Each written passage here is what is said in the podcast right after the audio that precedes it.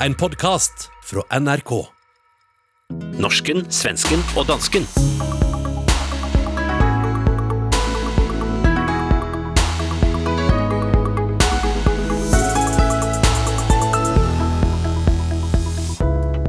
Hvorfor raser Dansk Folkeparti over at Nørrebro er kåret til verdens kuleste bydel? Ble Jimmy Åkesson kaldt nazist?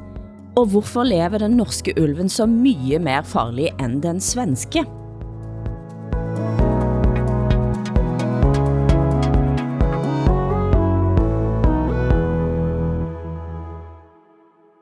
Velkommen til ukens panskandinaviske familieterapi, et frirum for svenske Åsa Linderborg, danske Hassan Preisler og mig selv, norske Hilde Sandvik, til at dykke ned i vore lands særegenheter for selvgransking og bearbejding.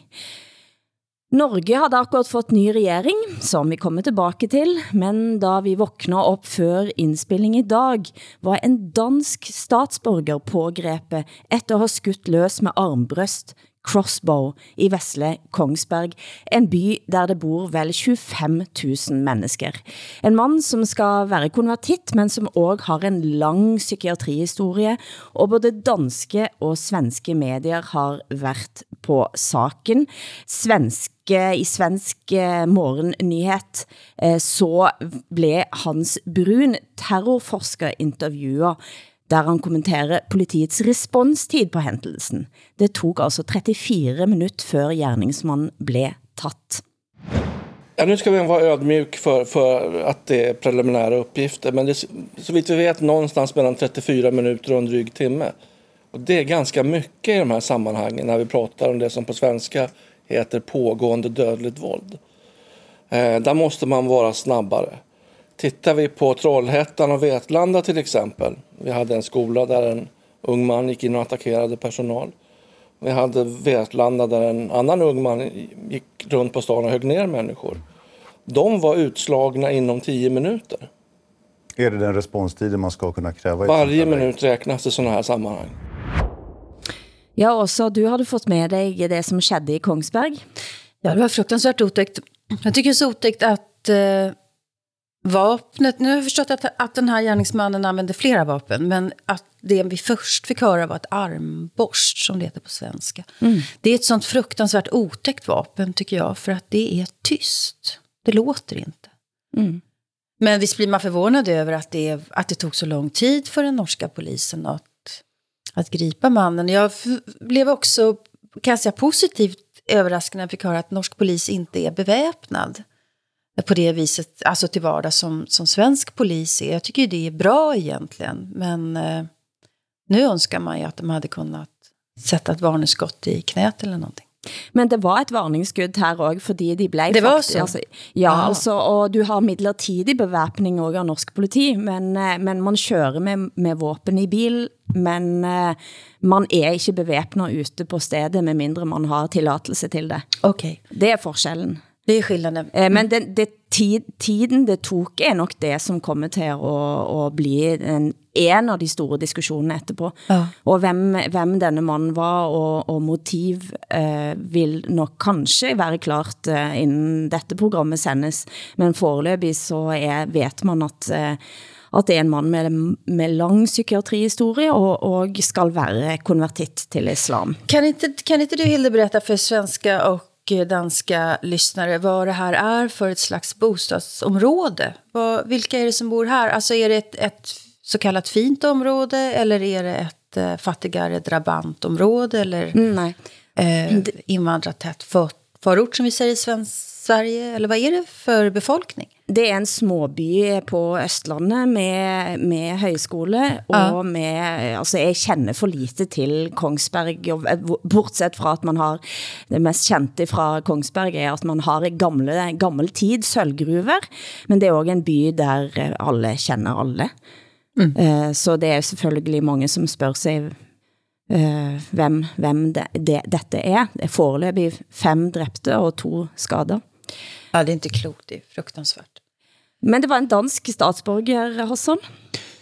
Ja, altså, hvad skal jeg sige? Det er jo, øh, øh, som I siger, så er det jo en meget tragisk begivenhed, men det er jo også, øh, altså, øh, dette program i dag bliver optaget tidligt om morgenen, og jeg havde ikke, øh, jeg havde ikke opdaget, at det her var sket, fordi jeg øh, gik tidligt i seng i går aftes, øh, øh, samtidig med børnene, øh, og så står man op, og så er der en øh, dansk konvertit, som har øh, øh, skudt og dræbt adskillige mennesker i Norge med en armbryst. Altså det er jo, øh, jeg, jeg sidder og skriver fiktion for tiden, ikke? Det her er jo, øh, altså det, øh, man kan jo ikke, øh, altså der, jeg føler ikke, at jeg for, i den her tid kan skrive nogen ting, som ikke bliver indhentet af noget, der er endnu mere absurd i virkeligheden, mm. ikke? Det er, øh, jeg synes det her, jamen det er jo helt grotesk, hvad, hvad er det, der sker? Mm. Altså, øhm, jamen det, Det är väldigt, det er jo, väldigt, väldigt tragiskt. det er jo vanvid. Det är svårt att ha några så ideologiska principer kring det här, utan det är tragedi. Responstiden fra politiet utenfor de store byene har været en vigtig valgkampsak i Norge. Den nye regeringen Støre vil ha forpligtende responstider for alle nødetater. Det kan jo koste milliarder av eh, kroner. Vad betyder det? Förpliktigande nödtid, vad sa du? Det betyder at den vil ha en forpligtende responstid for alle nødetater. Ja. Eh, Blålysetatene, altså de som skal være først på stedet. Og om regeringen kræver at blålysetatene skal være tidlig på stedet, så vil det koste flere milliarder kroner. Mm. Og særligt også fordi at Norge er så vidstrakt land. Politireformen er noget af det, som, som den nye regeringen da skal se på. Vi havde en politireform, som gjorde noget med, med politiets tilstedeværelse i, utenfor eh, de store byene. Men jag måste bara få säga, för jag måste bara få säga en sak innan vi, förlåt.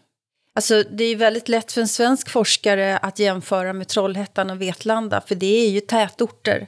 Sverige är också vidsträckt, eh, så att om en, ett sånt här attentat hade hänt i Jämtland till exempel, så hade det dröjt mer än 34 minuter innan polisen hade kommit. Det, det tycker jeg, ni måste ha med er i, i Norge ändå. Jag ber om ursäkt nu.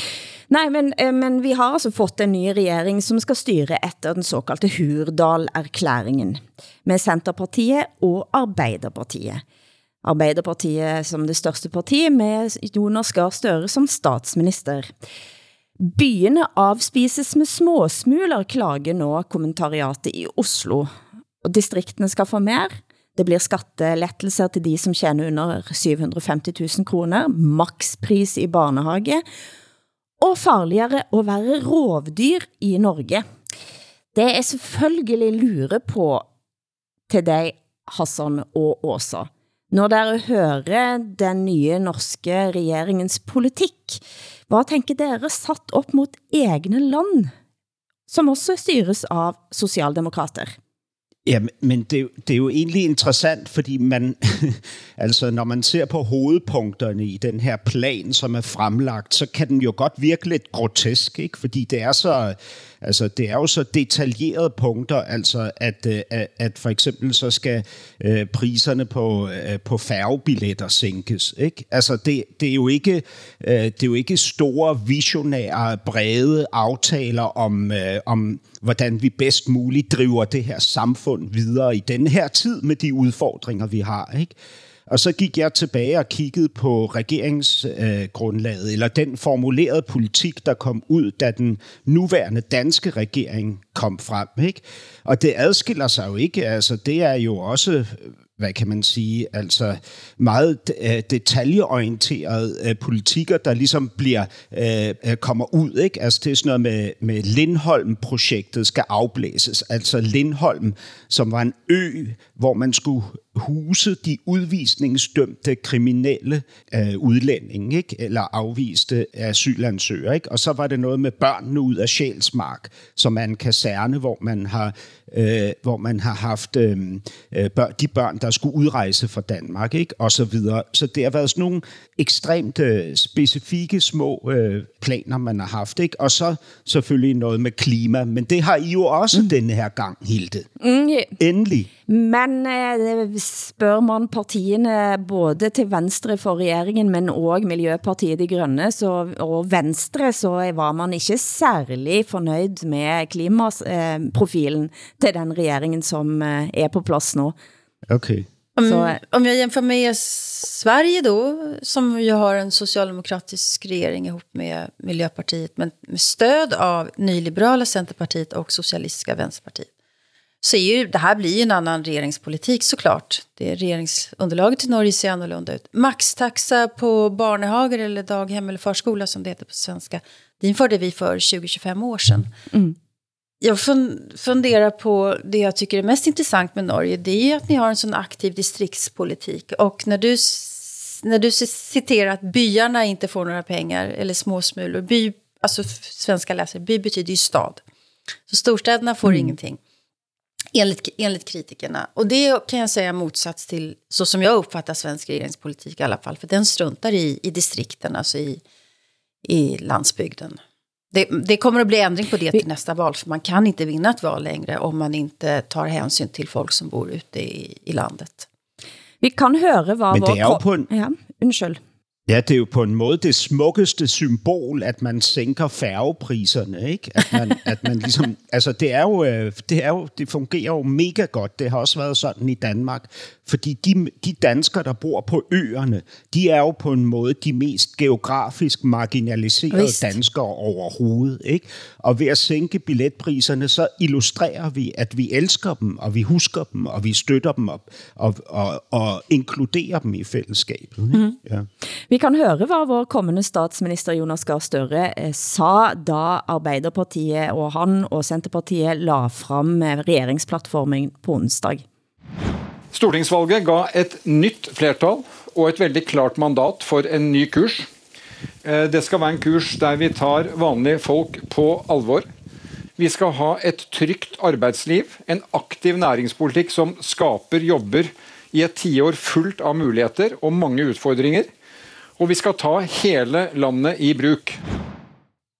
Ta hele landet i bruk, der har vi det. Jag tycker det låter... Det er, lang, det er mye land at ta ut. Ja, det är det, men det är ljuv musik tycker jeg, i mina öron i alla fall.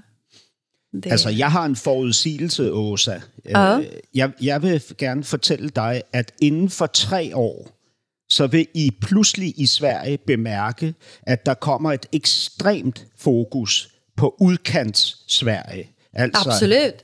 økonomisk, øh, politisk, kulturelt, øh, jobmæssigt. Øh, det, det, det, vil, det vil ske om, lige om lidt. Ikke? Det håller jag med om och det kommer redan nu. Och eh, för, som jag sa, alltså, man kan inte vinna ett val om man inte tar hänsyn till, till landsändorna.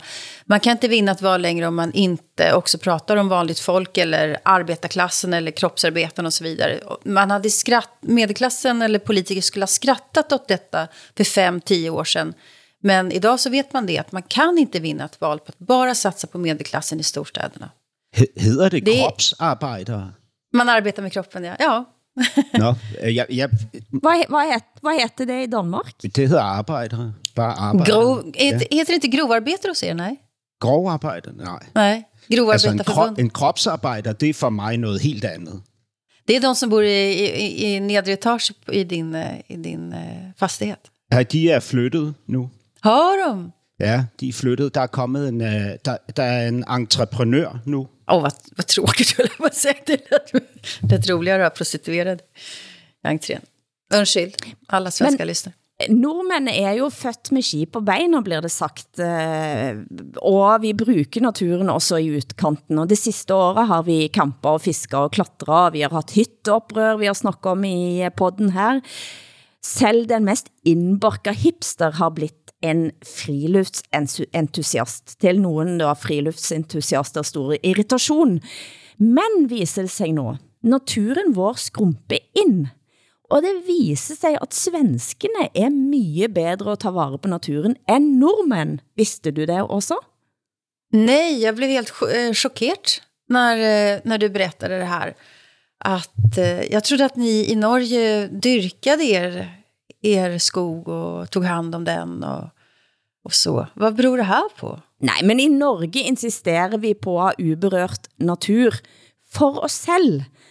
Det er snart en halv million hytter i landet. Alle vil helst ha direkte udsyn til en eh, uberørt stjernehimmel. Men det er altså 3000 bjørner i Sverige. Det er cirka 300 i Norge. Vi har fem ganger så mye sau og lam på utmarksbeite, altså som går ute, selv i nationalparker. Svenskene har ti ganger så mange rovdyr. Uh, i sin... Vi har øh, ni, ni bjørne i øh, Danmark. Ja, men... Na, altså, 9000 fasaner, jeg har forstått. Ja, men altså, poenget er, at Danmark har jo ingen natur, så her tenkte, vi, her, her tenkte jeg, at vi er nødt til at snakke om den svensk-norske relationen. Fordi svenskene bruger også mye mer penger på at værne sin natur. Men kanske är det fordi det inte bor folk där också? ja, det kan vara. Men alltså, jag undrar varför vill inte björnen bo i, i, eh, i Norge? Alltså i Jämtland där, där eh, vi har hus, otroligt mycket björn. Alltså nu är jag ju inte utomhus eftersom jag inte tycker om att gå utomhus. Jag sitter ju alltid inne. Men eh, folk som är utomhus i Jämtland, de är ju skiträdda för den här björnen. Jag tycker man ska skjuta av allihop. Du, nej, men då kan du flytta till Norge. Eller skicka dem till Norge. Ja, eller skicka björn. Nej, ja, för där blir de antageligvis skutt. Uh, og rovdyr er jo noe av det som den nye regeringen uh, selvfølgelig snakker om, fordi Centerpartiet er bøndenes uh, parti. Mm. Uh, og dermed så, så, kommer det til at være farligere å, å være ulv og bjørn i Norge. Enda farligere end det har været. Ja. Men, men i Sverige... Men Hilde, du, du har jo altid fremlagt øh, nordmænd som øh, nogle mennesker, der var tæt forbundet til naturen. Øh, men det viser sig jo nu, i relation til Sverige i hvert fald, at øh, nordmændene er slet ikke så, øh, så mm så afhængige af deres natur. Nordmændene har også gjort sig fri og er blevet fornuftige, rationelle, øh, virkelighedsnære mennesker. Øh, og det er, jo, øh, det er jo en glædelig overraskelse for mig, for jeg troede simpelthen, nordmænd var sådan nogen, der kunne lide naturen. Øh, Øh, men men det, er jo, det er jo gode nyheder. Tak. Ja, jeg, tyk, jeg tykker også, det er positivt. Men, men altså, i Sverige... Ja, men altså, nå tuller dere. Hva? Eh, Nej. Er med, altså, Nej, slet ikke. Hvis, hvis dere skal spørge mig... Tuller ikke. Vi, hvis Nej, jeg tuller ikke heller, kan Nej, vi tuller ikke, Hilde. Vi tuller ikke. Jeg bliver, jeg bliver faktisk lidt småængstelig, for jeg må jo indrømme, at hvis jeg ser på tallene av hvad som sker med nedbygging av natur i verden, så er, er en, en ting er at virusene springer løs, og vi har ingen kontroll på den delen av naturen. Ja, men det tycker men, jag också är dåligt. Men, det, det, Hassan och jag är emot det där viruset. Ja, det men, men eh, naturkrisen som eh, er på vej til at komme ind over verden, som betyder at vi eh, ikke, altså vi har ikke de insektene som skal til eh, for at bestøve, som gør at vi kan dyrke mat, eh, som gør at fisk, ja, men det, er det jeg med fiskene. Ja. i havet dør. Eh, det er, det er også in, det er ikke heller bra. Uberørt natur forsvinder. Artene forsvinder i et tempo, som der aldrig har skett før i verden jeg blir, altså, når jeg hører at 90% av de som søger om tillatelse til at bygge der man egentlig har sagt nej i Norge, de får ja, så blir jeg faktisk eh, en smule bekymret. Det där kommer bli en jättestor fråga i, i Sverige eftersom det är en splittring mellan när man ska få bygga eller inte bygga, hur man ska göra allmän med eh, allemansrätten och sådär. Det är en stor splittring inom regeringen på den där frågan. Men jag kan säga så här, så fort vi pratar om natur och sådär i det här programmet så förstår jag ingenting. Jag har inget förhållande till naturen överhuvudtaget. Men däremot så vet jag att trä, virke har blivit fruktansvärt dyrt. För att det, dels är det något virus som slår ut i USA tror jag va? Sen vill kineserna ha allt vårt virke i Sverige och dessutom vill Nederländerna köpa jättemycket virke. Så träpriserna har stigit något alldeles, alldeles groteskt. Men alltså... Det här har jag läst mig till, alltså jag vet ju ingenting annars. Men, men, men det er jo også, altså spørgsmålet er jo, jo ligesom, fordi Hilde, du blander jo lidt tingene lige nu øh, i din, øh, når, når du taler om naturen, ikke? Fordi jeg, jeg kan ikke finde ud af, skal vi have et romantisk forhold til naturen, eller skal vi have et pragmatisk forhold mm. til naturen? Jeg er altså, pragmatiker for mig er det meget svært at have et romantisk forhold til ja. naturen, fordi ja, men... naturen er nådesløs. Nej, det har men jeg, altid været. Jeg har, den, jeg, har, jo, jo, jeg, har, jeg har ingen romantisk forhold til naturen, men jeg har et eksistentielt forhold til naturen. Men, men hvad betyder det? Altså, øh, uden de her kæmpe store kornmarker, så vil vi ikke have mm. brød til de øh, 8 milliarder mm. mennesker, der bor her på kloden. Altså, hvad, hvad, hvad betyder det? Øh, fordi pra- det pragmatiske er jo heller ikke mm. romantisk. Nej, nej. Altså, på, ingen, på ingen måde.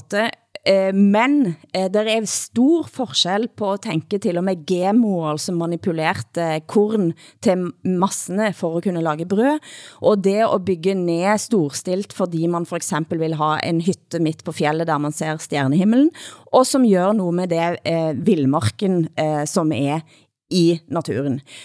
Og jeg tror at det er et stort, altså det er, det er økologi, altså det er et økosystem, og i det øjeblikket man gør noget med det økosystemet som forpurrer, så har man ikke helt konsekvenserne for sig. Og det er det, det tror jeg også. Det synes jeg er faktisk er. Men altså, når ah, ja. det er sagt... Det holder jeg helt med. Jeg, tror, jeg ah. har heller ingen romantisk forhold til naturen, og jeg læste selvfølgelig danskene, danskenes syn på naturen, Vikenavisen, uh, interviewer en portugisisk, eh, ser det ut som av navnet, filosof, som siger, at naturen er din fiende. Bruno eh, eh, Marseilles, seniorforsker med Hudson Institute, har skrevet en bok, eh, Geopolitics for the End Time. Han tror vi bevæger os tilbage til en verden med forståelsen af naturen som ugæstfri, aggressiv og magtfull.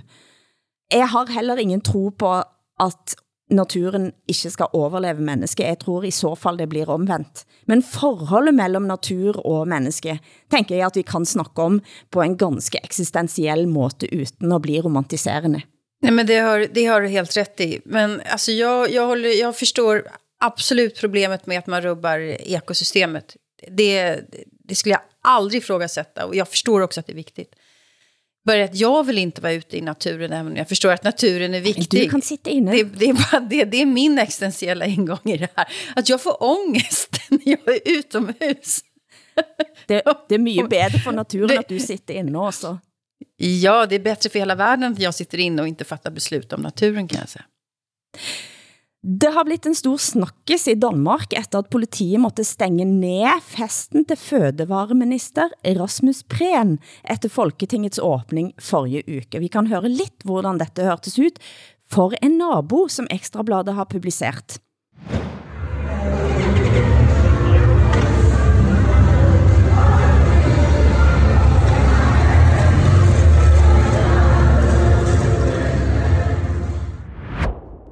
Ja, dette har skabt bråk, ikke bare for naboerne, Hassan. Fortæl. Ja, men okay, først og fremmest, så er, er det uh, musiknummer, som bliver spillet lige her, uh, uh, hjemme i Folketingslejligheden, som tilhører uh, Landbrugs- og Fødevareminister Rasmus Prehn. I øvrigt afspillet af vores sundhedsminister Magnus Heunicke, som angiveligt skulle være regeringens bedste DJ. Det nummer, det nummer er et nummer, det er et nummer af Thomas Helmi, som hedder Stupid Man. Ikke? Altså allerede her i prologen, så er scenen sat for det glade vanvid. Ikke? Nå, men de her ministre, øh, og, og jeg ved ikke, hvem der ellers er der, holder så en fest, øh, som bliver så øh, voldsom og højlydt, at øh, naboerne klager, politiet kommer og, og får øh, lukket øh, for det her afsindig høje musik. Øh, det man så efterfølgende har fundet ud af, det er, hvem der var til festen. Og blandt andet var der til festen prominente redaktører og journalister fra landets medier. Øh, det vil sige, altså du har så en regering, ikke? nogle ministre, som holder fest. De spiller stupid man for de journalister og redaktører, som til dagligt skal være kritiske og afdækkende i forhold til magten, regeringsmagten. Ikke? Øhm, altså, og, og, og det har været ugens store samtaleemne i Danmark. Det har været op i, i de forskellige mediemagasiner og på avisernes forsider. Men alle siger ligesom, jamen hør nu her, det er jo normalt, og vi er jo også bare mennesker, og, og når vi er på folkemøde på Bornholm, drikker vi også øl sammen, og så videre. Ikke? Så der er meget, meget få, der mener, at det her er et egentligt problem. Ikke? Øh, jeg, jeg mener selvfølgelig noget andet. Jeg mener, at det er fuldstændig tosset, det her. Altså, tosset? Jeg, jeg, ja. Tosset, altså hvad, øh, hvad hedder det? Tosset på, på tulle. Tossigt, tullet. tossigt galet, eh, Tull. sjukt, Galet, sjukt det er och fel.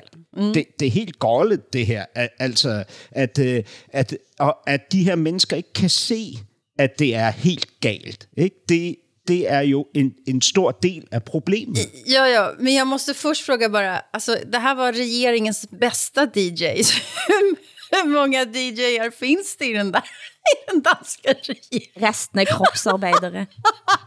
Det var den, det var den bästa DJen som hade... Ja. Men jag måste säga, vi har, alltså det, är så, det är så typiskt att journalister aldrig kan erkänna att man har gjort fel. En journalist kan aldrig säga så här, det här var olämpligt faktiskt. Att det här, jag gick över en gräns, det här borde jag inte ha gjort. Jag förstår om ni uppfattar mig som möjligen korrupt. Det hände ju aldrig. Vi hade en motsvarande sak i Sverige. Eh, Expressens stjärnreporter Niklas Svensson fyllde 40 år tror jag. Hade världens största fest. Där var alla, och det var otroligt många politiker där. Eh, det var journalister, det var politiker, det var andra makthavare, näringslivspersoner, så kallade influencers och alltihopa. Och det var ingen som tyckte att det var ett problem faktiskt. Eh, journalister som var på festen tyckte att det var helt okej att politiker också var på den festen. För att alla liksom ville vara där. Eh, smart drag liksom av en journalist att, att bjuda på en sån här stor baluns. Men det är klart att det är fel. Jag tycker det.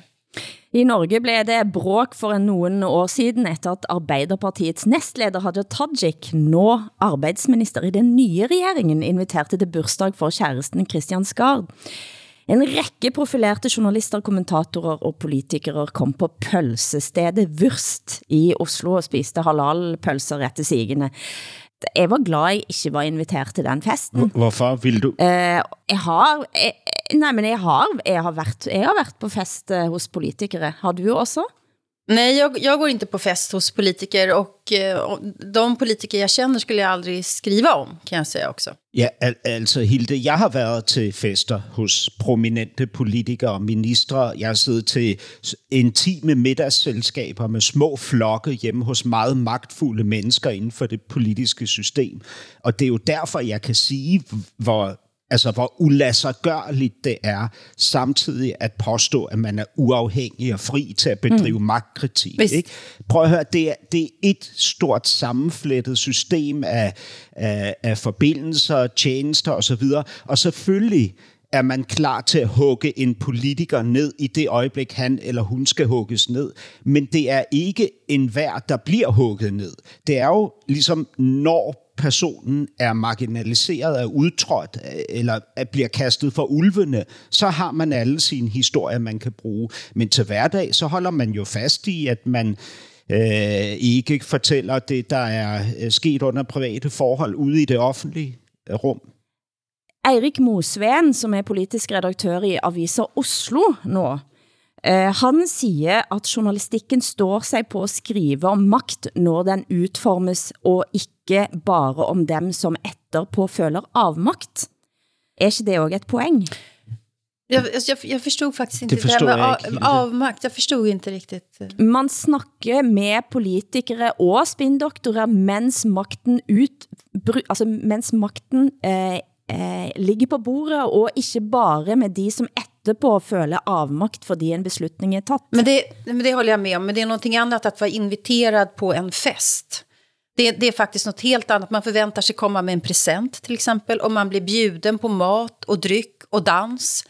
Det är faktiskt någonting helt annat. Mm. och Ja, jag, och tycker, det där- jag tycker inte att det är ett problem att man tar att en journalist eh, kan stå i en bar och snacka med en politiker på politikerveckan i Almedalen på, i Visby till exempel. Jag tycker inte att det är ett problem.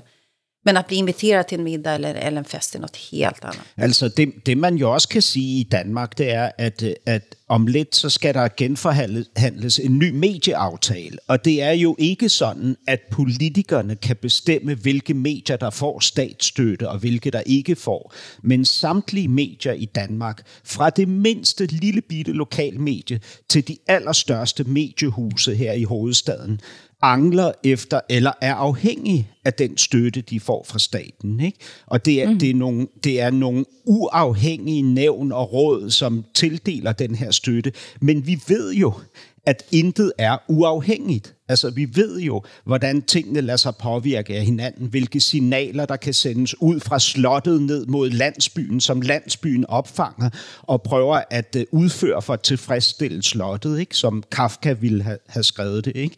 Øhm, mm. eller skrev det jo faktisk. Øh, og, og de ting bliver vi simpelthen nødt til at holde os i mente. Ikke? Altså, vi har ikke øh, uafhængige medier i Danmark. De er støttet af staten. Ikke? Stort set alle sammen. Mm. Det er sandt. Til Sverige Politikernytt. En eh, Sverigedemokrat-politiker har blitt eh, covid-syk, mens en anden krangler på TV om hvorvidt SD er blåbrunt. Hvad sker, Åsa?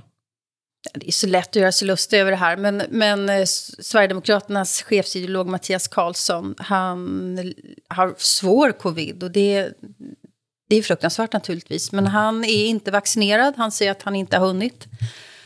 Det jag tycker är twisten i det här, det är att Sverigedemokraterna väldigt hela tiden klankar ner på eh, våra invandrare i Sverige. Det är ju i första hand de som inte är vaccinerade statistiskt sett. Och sen så vaccinerar de sig inte själva. Eller i alla fall inte Mattias Karlsson. Och nu, mm. nu ligger han där han ligger. Men så havner altså Jimmy Åkesson eh, på agenda eh, med Miljöpartiets eh, Per Bolund. Vi kan høre et utdrag fra partilederdebatten på SVT. Jag tycker problemet med Moderaterna och hela den blåbruna sidan är ju att man söker ju på fel ställe. Man utgår från att människor är lata och ovilliga att arbeta. Det är inte de människorna jag möter och det är ju som statsministern säger, det är ju inte det som är problemet. Jag måste bara, innan jag svarar på det.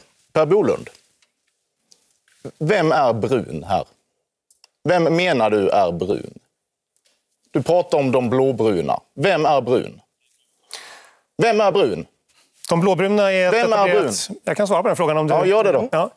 Blåbrun är ju ett etablerat begrepp för just eh, konservativa partier som jobbar brun, med högerpopulistiska partier. Vem är brun? Jag skulle säga att ditt parti är ett högerpopulistiskt parti. Kallar du mig för nazist? Blå, nej, högerpopulist sa Du jag. kallar mig för nazist. Her hørte vi altså Sverigedemokraternes Jimmy Åkesson og Miljöpartiets Per Bolund. Hvorfor gør Åkesson dette også? Alltså jag ser hur Hassan sitter och skrattar. när, han hör, när han hör det här, när han hör det här klippet. Men Jimmy Åkesson, han gör ju det här naturligtvis för att han vill visa att Sverigedemokraterna är, är ett normalt parti bland alla andra. Eh, han vill ju vara regeringsunderlag, till och med sitta i regeringen nästa gång. Eh, men så jag tror också att han gör det för att han på många sätt är han nog uppriktigt förbannad. Alltså många åsikter som i flera år har ansetts vara bruna i Sverige. Som eh, till exempel eh, hur stor, eh, om man inte för en, den så kallade svenska generösa flyktingpolitiken så stämplades man som brun. Och nu är det allmän politik med allmän uppslutning. Jag kan förstå att Jimmie Åkesson är förbannad.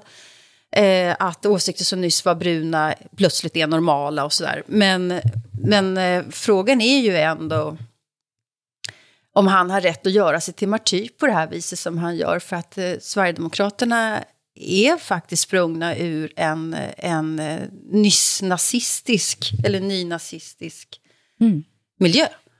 Eh, och eh, dagen därpå så avslöjades att de har en riksdags, en sakpolitisk kunnig i politisk sakkunnig i, i riksdagskansliet som utreds för att vara dubbelorganiserad i vit mm. maktmiljön det är ytterligare en nu som är under utredning. Jag vet inte hur många partimedlemmar de har uteslutit på kort tid eh, som är eh, helt enkelt för att de är rasister. Så att, eh, han ska nog inte vara martyr helt enkelt på det viset som han är med, det, med den historia som det här partiet har. Ja, men uanset men, om, ja. om Jimmy Åkesson griber det her for at dyrke et martyrium, eller om han griber det, øh, fordi han reelt er øh, vred over at blive kaldt, øh, indirekte blive kaldt nazist, så er det jo det rigtige at gøre for ham. Ikke? Altså, man kan jo ikke udskamme hinanden inden for det politiske system på den måde, ved at uh, indikere over for hinanden, at man tilhører noget, som i fortiden har begået massemord på hele uh, etniske grupperinger. Altså, det, det er jo en tosset måde at argumentere på. Ikke? Fast, uh, og, og en, ja, og en stor fejl af, af, altså, af, at, at slynge den anklage ud. Altså, uanset hvordan man vender og drejer det, så taber han jo ved, at ved at have anklaget Jimmy Åkesson Ja, for at ja, være, altså- være brun. Ikke? Jo, det är riktigt. Hans, per, per Bolund, då, han säger så här, nej, Jim Åkesson är inte nazist, men han är brun. Som historiker så, så, så hävdar jag ju att man kan absolut göra skillnad på de definitionerna. Eh, man, man kan vara brun utan att vara nazist. Det finns fascister som inte är nazister. Frågan är ju, är Sverigedemokraterna idag ett brunt parti? Det är väl det som är frågan, skulle jag säga, snarare. Än att man kan använda beteckningen brun om eh, högerextrema rörelser. Men som jeg forstår, Eh, Som, som, in, som inte ska förknippas med nazismen. Alltså man kan ha en, en bredare definition av fascism. Det är ju så de flesta fascismforskare faktiskt arbetar. Så det tycker jag är helt korrekt. Men vit, vit maktbevægelsen i Sverige er, er, er stor. Den är stor. Altså, man, man eh, räknar med mellan 800 och 1000 nazister i Sverige. Och den siffran är konstant år efter år efter år. Men visst är den stor. Men de är ju lömska, välorganiserade. Sen så har vi det här stora mörkertalet på nätet som, som eh, agerar väldigt aggressivt också. men som jeg forstår Sverigedemokraterne, så er det jo et, øh, et regulært parti, som opererer inden for de demokratiske rammer, og ønsker at gøre det i fremtiden også. Men, men når vi er inne på brune og, og eller nazistiske, hvad er denne antisemitismekonferensen, jeg læser så masse om i svenske medier? Ja, så, det är en stor antisemitisk, eh, eller till minne av förintelsen i, i Malmö. Och eh, alltså jag, det är naturligtvis en viktig konferens, men, men Sverige har ju fan storhetsvansinne. Alltså, medierna spekulerade i att Joe Biden skulle komma, kanske kommer Putin. Eh, och så kom Ursula von der Leyen och Finlands president Sauli Niinistö. Alltså det är inget fel på dem, men, eh, men det var inte Joe Biden som... Lejen fra EU. Just det, det, jag kan säga det var ju inte Joe Biden som damp ner här. Men det är en stor konferens, antisemitismen växer och att den är i Malmö är dels för att det är den första judiska befolkningen eh, i Sverige bodde där nere. En gammal judisk befolkning i Malmö och sen också växer antisemitismen särskilt där. Så att det, det är väl ett välvalt ställe, men däremot så är det ju en, en har blivit kritiserat därför att Sverige har anslutit sig till en definition av antisemitism som är formulerad av IHRA, International Holocaust Remembrance Alliance. Undrar om jag uttalar det där rätt. Som, som en, bare en liten parentes bemærker kom i stand, fordi Jørgen Persson Just kom det. med et initiativ på flytta av 90-tallet, og der var han statsminister i Sverige. Det är riktigt. Och eh, den definitionen har blivit av vad är man när man är antisemit. Den har blivit hårt kritiserad därför att eh, kritikerna menar då att åtminstone sju av elva kriterier är egentligen att man är kritisk till Israels ockupationspolitik. Det är alltså ett politiserat, en politiserad definition. Och det är ju, det är ju naturligtvis farligt, problematiskt. Men antisemitismen vokser eh, i Sverige, og det har det været flere rapporter som har vist. I 2019 Hm. så blev jødiske Salomea Gorsenius i Malmö eh, intervjuet av Aftonbladet. De gjorde en sak i forbindelse med et større journalistisk projekt om antisemitismen i Sverige. Men vi judar i Sverige vet väl om att vi är under ett hot. Ehm, och det är inte så många idag som vågar visa sig öppet. I alla fall i Malmö speciellt. Ehm, och det är just därför man inte ser så mycket från vad som händer på riktigt. Eh, alla vet om och har vetat under en lång tid att Malmö är en antisemitisk stad. Eh, men det kommer inte riktigt ut alla de här historierna som folk, alla händelser de har blivit utsatta för. Just för att vi inte riktigt vågar berätta om det och vi vågar inte anmäla. Eh, för att man är rädd för sin egen säkerhet och ens familjs säkerhet. Den gangen så var altså mer end hver tredje svenske sa, at den havde oplevet antisemitisme i Sverige. Og det jeg lurer på også, kan du forklare, hvorfor det historisk har været så mange antisemitter i Malmö? Fra altså nazisten Per Engdahl, som ville at lage en nazikonference i Malmö i 1947, bare to år efter krigen, til dagens situation, der man faktisk dækker til forintelses holocaust-litteratur i bibliotekene i Malmö, for man er redd for härverk. Alltså den, den historielektionen tror jag inte att jag är lämpad att dra riktigt. Jag kan inte det där ordentligt. Men, men un, alltså vi hade inte så många nazister i Sverige under andra världskriget eller mellankrigstiden. Men de som fanns, väldigt många fanns just i Skåne. Så det är, liksom, det är den myllan. Eh, och det är, det är faktiskt ingen slump att det är där som Sverigedemokraterna växer upp heller från början. Och det är där högerextremister kommer ifrån i Sverige.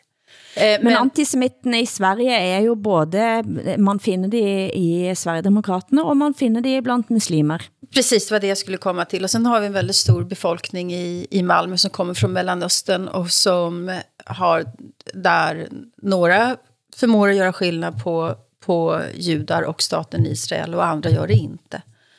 Och det är ju ett stort problem naturligtvis när Israel kritik eh, går över till att bli antisemitism. Vi har många sådana exempel och de exemplen blir också fler. Och det där, jag som själv eh, eh, har varit eh, Palestinaaktivist i den meningen att jag har skrivit väldigt mycket om de här frågorna, tycker ju att det här är ett bekymmer. Såklart, men det man måste, alltså, för mig är det ändå viktigt att fortsätta med kritiken av Israels ockupationspolitik. Jag vill inte ta ansvar för de andra som inte kan åt, göra åtskillnad mellan det här. Men det är klart att det är jobbigt.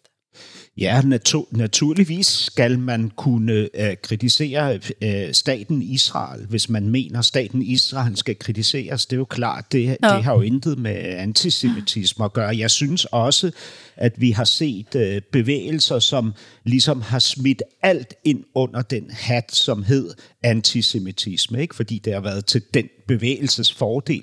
Men, i, men bredt talt, så synes jeg faktisk, i hvert fald her i Danmark, at de jøder, jeg ser debattere øhm, antisemitisme, er fuldt ud klar over, at der skal trækkes en streg mellem staten og Israel og den antisemitisme, man, man oplever i Danmark, som også er stigende, desværre. Mm. Altså øh, til 2019, fra året før, var der en stigning af, af begivenheder, antisemitiske begivenheder med 50 procent, ikke? Øh, 50 procent. Og det er en ret stor stigning. Ikke? Og når man ligesom sådan spørger lidt til, hvad det er for en stigning, så er det lidt mere diffust, det svar, der bliver givet. Men Mette Frederiksen mener, at antisemitismen er øget med indvandringen, og det siger hun ret direkte. Adspurgt, øh, så svarer venstrefløjen mere uldent, altså venstre, den danske venstrefløj, har svære ved at formulere et klar, en klar og tydelig afstandstagen til den antisemitisme, der kommer fra, de, fra nogle muslimske miljøer i Danmark. Ikke? Der taler man om det mere bredt. Øh, og det synes jeg bliver, bliver lidt... Øh, det, det bliver lidt tragisk, ikke? fordi øh, jeg kan huske, da jeg øh, startede på Radio 24 der havde jeg en kollega, Asger Jul, han har i dag en, øh, et øh, uafhængigt nyhedsmedie, der hedder Den Uafhængige, øh, og han gik øh, en mandag ned ad Nørrebrogade iført en kalot, for, for altså en, øh, en øh, jødisk hovedbeklædning, for at undersøge, hvordan øh, der ville blive reageret på ham. Det her, det var i 2014, så det er en del år siden. Altså det, han oplevede, bare ved at gå den tur ned ad den gade, der ligger lige uden for mine vinduer, iklædt en jødisk hovedbeklædning, var brutalt. Altså, han blev råbt af, truet, spyttet på osv. Ikke? Øhm, og jeg, mit bud er, at det vil være mindst lige så farligt i dag at gå en tur gennem Nørrebro iklædt af en jødisk hovedbeklædning. Norsken, svensken og dansken med Hilde Sandvik, Åsa Linderborg og Hassan Preisler.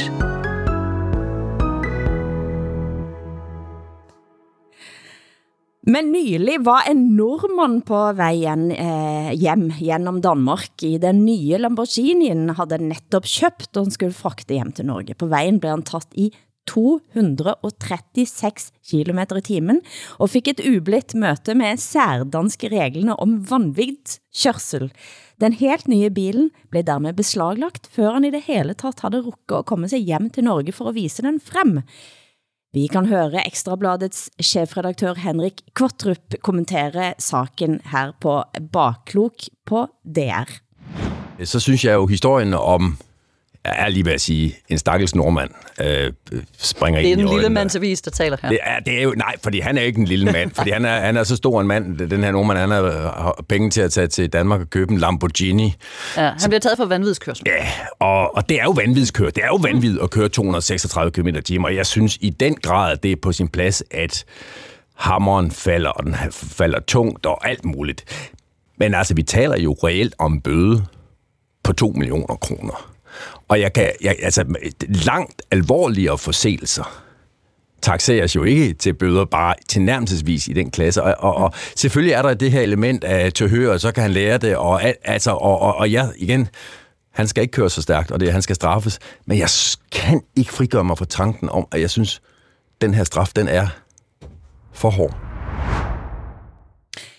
Får jag fråga, kostar det två miljoner danska kronor? Det är nästan, eh, nästa, Alltså, det är två, vi- nästan två och en halv, nästan tre miljoner 2,7 kronor. million. 2,7 miljoner för att ha kört för fort i en Lamborghini. Ja, det gør det jo, Vad- fordi... vilka øh, drakoniska straff, det måste jag ändå säga. Jamen, jamen, det er jo fordi, Åsa, du, hvis du kører vanvidsbilisme i Danmark, Mm. så kan du få konfiskeret din bil. Jaha, så, Så de tog koster- bilen alltså? Så det koster jo Lamborghini. prisen på den bil. Ikke? Oh shit. Ja, og det er altså, jeg, jeg elsker den her lov. Altså, jeg synes, det er en fantastisk lov. Øh, For det første har jeg ikke nogen Progressiv ikke? beskattning. Ja. Du Ja. har ingen bil, inte jag Ja. heller, jag har inte en körkort. Nej, jeg har ikke nogen bil. Øh, og for det andet, så synes jeg, at hvis man ikke kan administrere at have et køretøj og holde sig nogenlunde inden for lovens rammer, du kan jo sagtens overskride lovens rammer. Det er jo kun, hvis du gør det radikalt, at, du får, at der bliver grebet ind. Hvis du ikke kan overholde lovens rammer, så skal du ikke have en bil. Altså, så skal den det- tages fra dig. Men ikke? håller med om... Og- jag, jag, ja, förlåt.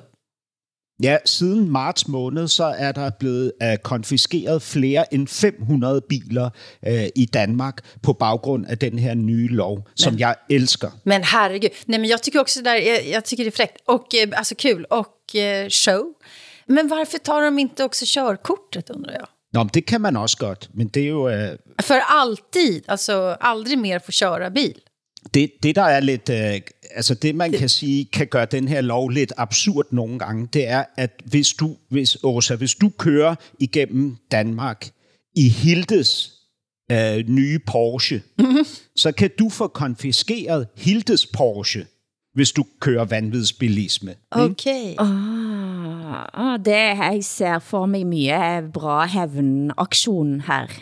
Ja, Men jeg så- satt og tænkt på følelsen min rundt Lamborghinien, som blev tatt etter han kørte til 136 km i timen. Og selvfølgelig, mine fordommer går jo direkte til hvilken type personlighed. som Ja, men det førersetet. också. Vilka är det de här 500 personerna som har blivit av med sina bilar i Danmark? ja men ham nordmanden, Åsa, det, Jeg vil ha de portrættert. Är det, är, det krim, är, det, är det liksom, är det narkotikapengar som har köpt bilarna eller är det, är det såna här snorrika eh, industriägare? Ja, der har eller vi jo alle influencers? Eller Ja, vi har jo alle sammen vores fordomme. Jeg ved, jeg ved ikke, hvem det er, der bliver øh, straffet ved, at deres biler bliver konfiskeret. Men denne her nordmand, ikke? Altså, som har kørt sin Lamborghini op igennem øh, Danmark. Øh, Lamborghini, som øh, Henrik Kvartrup siger øh, i øvrigt. Øh, ja, han, er jo, han må tydeligvis være, øh, være en nordmand, eller de her mænd fra Exit-serien. ja, just det. ikke? Exit-männen är det. Ja. ja. Du skulle jo ret i TV, på TV og snakke om Nobelprisvinner i litteratur forrige uke, Åsa, da vi var færdige i eh, opptak. Jeg regner med, du hadde læst hele hans eh, forfatterskap. Men han, vad hette han nu igen? Nobelpristagaren i litteratur? Jag kommer inte ihåg. Det begynder på Ingen av, G ingen av oss hade hört talas om den här, eh, den här eh, tydligen en av världens bästa författare från Tanzania. Eh, det var, det, var en, det var en fantastisk stund. Hela kultureliten som satt bänkade i alla, alla radiokanaler, alla tv-kanaler och skulle kommentera detta. Dörren slog upp klockan ett i Börshuset i Gamla stan och Svenska Akademin presenterade namnet. Ingen, ingen hade hört talas om den här personen. Ja, Jag tyckte det var helt underbart. Och, och det, jag, det, jag tänker att det är Svenska Akademins hämnd på alla oss kulturjournalister som har sagt att Svenska Akademin har blivit helt irrelevant efter, efter kulturprofilen och när den brakar ihop. Och, och vi har skrivit så hårt om Svenska Akademin och så kommer de och bara drämmer till med detta. Snacka om hämnd, Hilde. Snacka om hämnd. Ja. Men Ørebro er da kåret til verdens kuleste bydel av Time Out. Dansk Jag Folkeparti... måste bara säga, alltså, så att inte svenska lyssnare tror att vi pratar om Örebro i Sverige, utan Nörrebro här nu i Danmark. Nørrebro. Nørrebro er kåret til verdens kuleste bydel av Time Out. Men Dansk Folkeparti er jo ikke fornøyd. De raser. Har de i det hele taget været på Nørrebro? At kåre Nørrebro til verdens bedste bydel er som at kåre Taliban til verdens mest likestilte, Ja. Nämen. siger også Peter Skårup. Nej men gud, vad dumt sagt. Ja, det, men, det, men det er faktisk ikke det, jeg griner. Jeg griner af, at, øh, at Åsa bliver nødt til at øh, formulere, fordi nogle svensker måske kunne tro, at Ørebro skulle være verdens cooleste bydel. Jag ville bara Men- göra ja. tydligt att det inte är Örebro vi pratar det har det været lige. Men Dansk, Folke, altså Dansk Folkeparti har jo, har jo øh, altså hvor, hvor, hvor svært det end er for mig at sige det her, fordi jeg bor på Nørrebro og elsker Nørrebro, så har Peter Skårup fra Dansk Folkeparti jo ret i sin kritik. Altså de ting, han formulerer, hvis man ligesom tager hans lignelser ud af det her, ikke, så er det jo uh, sandt. Altså der er mange problemer med integration, kriminalitet og manglende arbejdsmarkedsdeltagelse på Nørrebro. Uh, det, jeg har jo boet her i mange år, og jeg har oplevet øh, brutal bandekriminalitet lige uden for mine vinduer. Ikke? Jeg har jo oplevet, hvordan der er øh, en, en stor, tyk dyne af social dominans helt hen over øh, kvarteret. Ikke? Jeg ser ud af mine vinduer, hvordan vanvidsbilister racer i deres store, dyre biler op og ned ad Nørrebrogade med over 100 km i timen. Ikke? Altså, det er også Nørrebro. Ikke? Mm. Og så, så er jeg jo også, som jeg nævnte, jeg er jo i et kærlighedsforhold til bydelen også. Jeg elsker Nørrebro, fordi Nørrebro er ikke bullshit. Nørrebro er ikke en, en konstruktion. Altså, der er så meget oprindeligt og oprigtigt på Nørrebro, ikke? Og så mange gamle Nørrebroer, som adskiller sig fra for eksempel de danskere, der bor på Vesterbro, som alle sammen er konstruktioner. Altså, de er taget ud af det mandemagasin, der hedder Euroman, alle mændene, ikke? Og alle kvinderne er taget ud af det magasin, der hedder Eurowoman på Vesterbro, ikke? Nørrebro, det er oprigtighed, ikke? Og oprindelighed. Og Blågårdsgate. Ja, ja. För några Blå- år, vi, Blå- Blågårdsgade går vi udenom. vi som bor här på Södermalm i Stockholm, vi är ju vansinniga över den här undersökningen. För att New York Times korade ju Hornstull till världens ballaste ställe för några år sedan.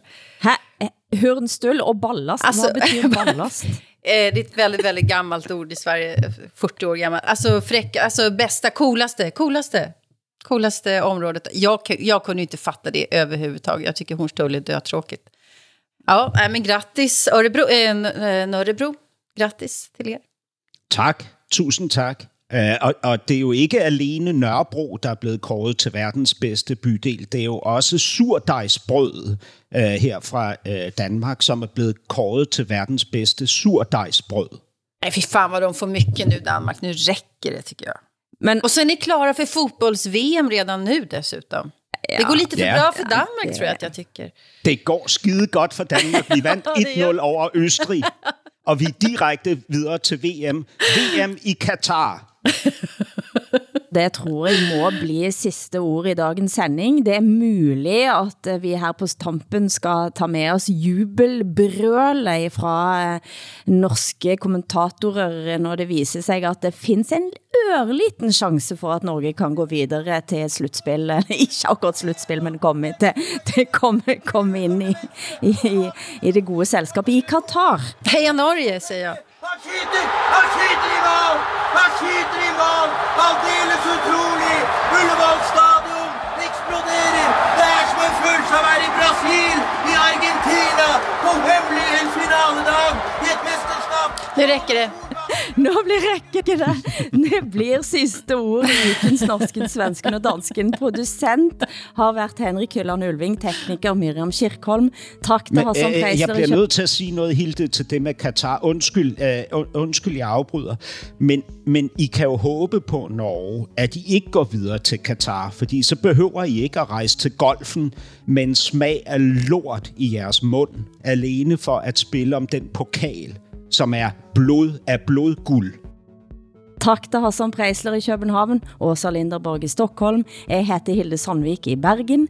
Programmet er produceret for NRK, SR og DR av Broen XYZ. Du kan høre os på Podstrøm der du er, og vi høres igen om en uke. Plutselig er vi ikke lenger bare en skinasjon. Vi er en stolt fotballnasjon også, gjenger. Norge 2, Montenegro 0. Og for et deilig, deilig, deilig, deilig mål!